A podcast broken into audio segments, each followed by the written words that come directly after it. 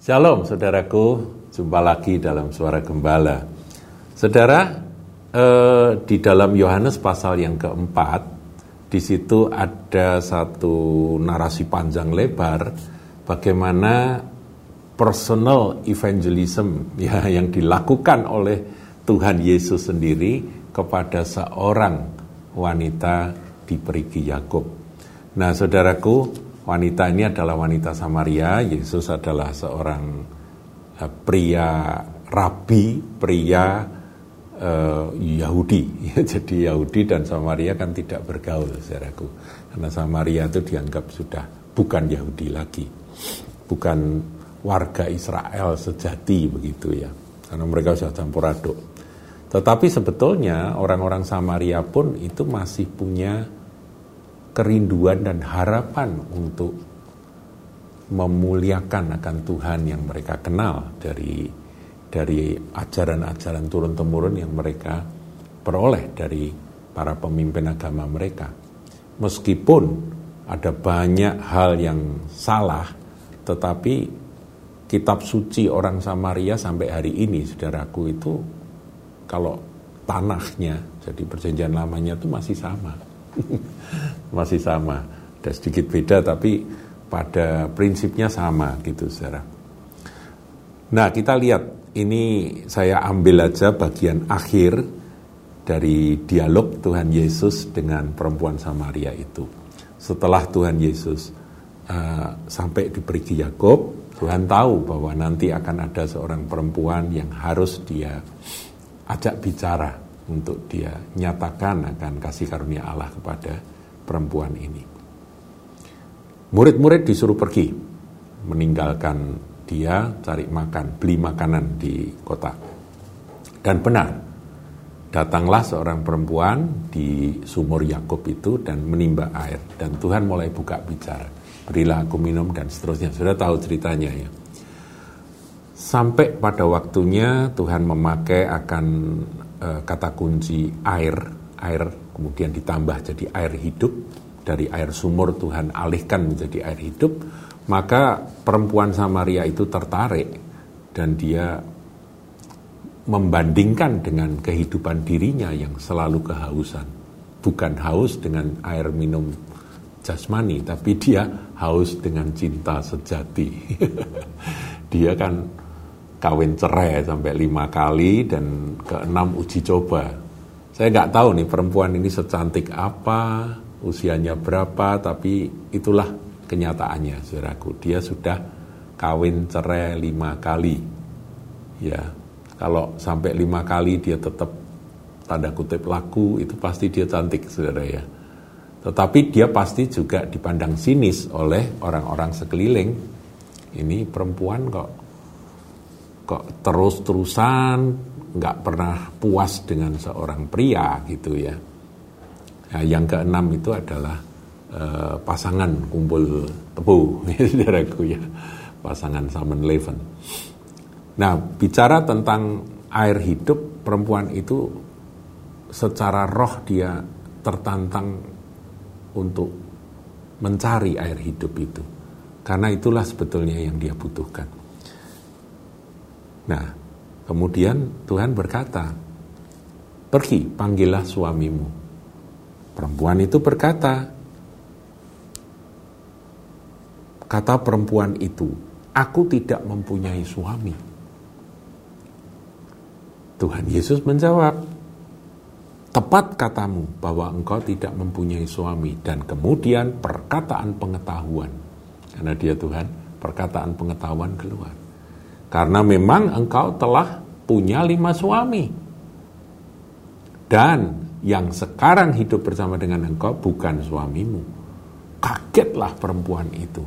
Berkata, ah Tuhan pasti seorang nabi. Dan seterusnya pembicaraan beralih saudaraku tentang pengharapan mesianik.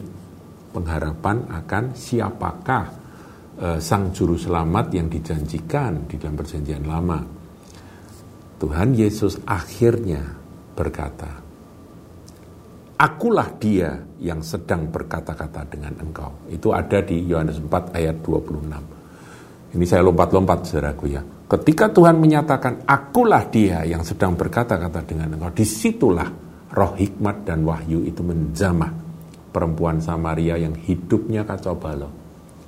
Yang mungkin di masyarakatnya dia tidak dihormati karena kehidupan pribadinya yang seperti itu. Kawin cerai lima kali dan yang keenam dia pun tidak menikah. Apa yang terjadi saudaraku? perempuan itu ya sementara itu murid-murid datang saudara murid-murid datang heran ini Tuhan Yesus kok sedang guru ini kok sedang ngobrol dengan seorang perempuan asing gitu ya perempuan Samaria lagi dari pakaiannya kan tahu bahwa ini perempuan Samaria datang murid-murid bawa makanan perempuan itu saudara meninggalkan tempayannya yang tadinya dia mau ambil air untuk minum dia karena dia sudah menemukan akan air hidup ya, yang lebih penting daripada air jasmani yang sementara itu, dia tinggalkan tempayannya, dia lupa dengan masalah yang yang yang sebetulnya dia ke situ tuh mau apa gitu ya ke sumur itu kan mau ambil air. Dia tinggalkan itu langsung lari karena sukacita yang luar biasa. Saudaraku, sebuah jamahan jamahan ilahi, roh hikmat dan wahyu yang menyentuh seseorang itu menghasilkan sukacita yang tak terkatakan sehingga ya sudah lupa semua. Tempayannya dia tinggal, dia lari. Ya, ya pergi ke kota dan ke, ke, berkata kepada orang-orang di situ. Itu ayat 28. Ayat 29, mari lihat di sana ada seorang yang mengatakan kepadaku segala sesuatu yang telah aku perbuat. Ya, kok bisa tahu aku punya lima suami dan yang sekarang bersama aku adalah uh, Saman Leven aja gitu ya. Mungkinkah dia Kristus? Itu jadi di mulutnya itu dia masih mau mungkinkah dia Kristus padahal rohnya sudah menangkap ketika Tuhan berkata akulah dia. Akulah dia Mesias yang dinanti-nantikan itu. Nah, kemudian eh, Tuhan Yesus bicara pada murid-murid, ya berkata padaku ada makanan yang tidak kamu kenal, Makananku adalah melakukan kehendak Dia yang mengutus aku dan menyelesaikan pekerjaannya. Kemudian Tuhan berbicara tentang tuayan. Kelihatan sekali bahwa di sini kalau saya baca, saudaraku, Tuhan itu begitu bergembira. Ini makanan buat Tuhan kalau Dia bisa membawa orang-orang kepada keselamatan, pada kasih karunia.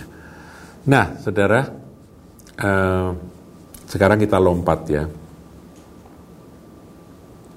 Ayat yang ke-39. Dan banyak orang Samaria dari kota itu telah menjadi percaya kepadanya. Karena perkataan perempuan itu yang bersaksi.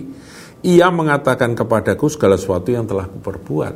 Mujizat peng, kata-kata pengetahuan itu membuat mereka jadi percaya. Ayat 40 ketika orang-orang Samaria itu sampai kepada Yesus. Jadi rupa-rupanya perempuan Samaria itu pergi ke kampungnya, dia cerita-cerita, kemudian semua pengen tahu, semuanya berbondong-bondong datang ke perigi Yakub itu, ke sumur Yakub itu.